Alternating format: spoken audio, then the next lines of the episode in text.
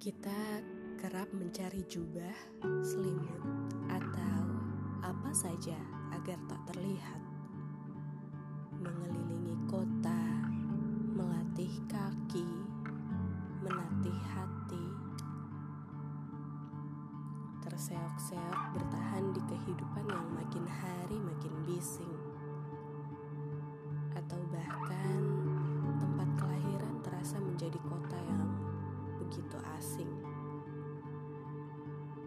Berkali-kali meyakinkan diri sendiri kalaupun tubuhku raib di lahap realita,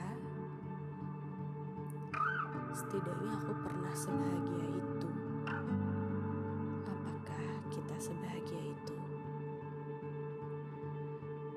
Tapi sebagian diri dari diriku menolak dilupakan.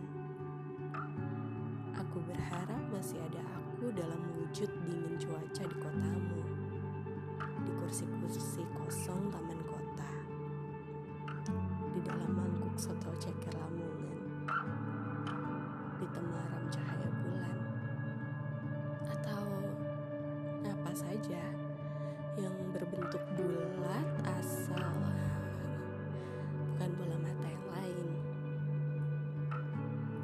Di hadapan bulan kita seperti dua manusia telanjang yang mengais-ngais liur ulat sutra untuk jadi ranjang yang hangat pun sebaliknya.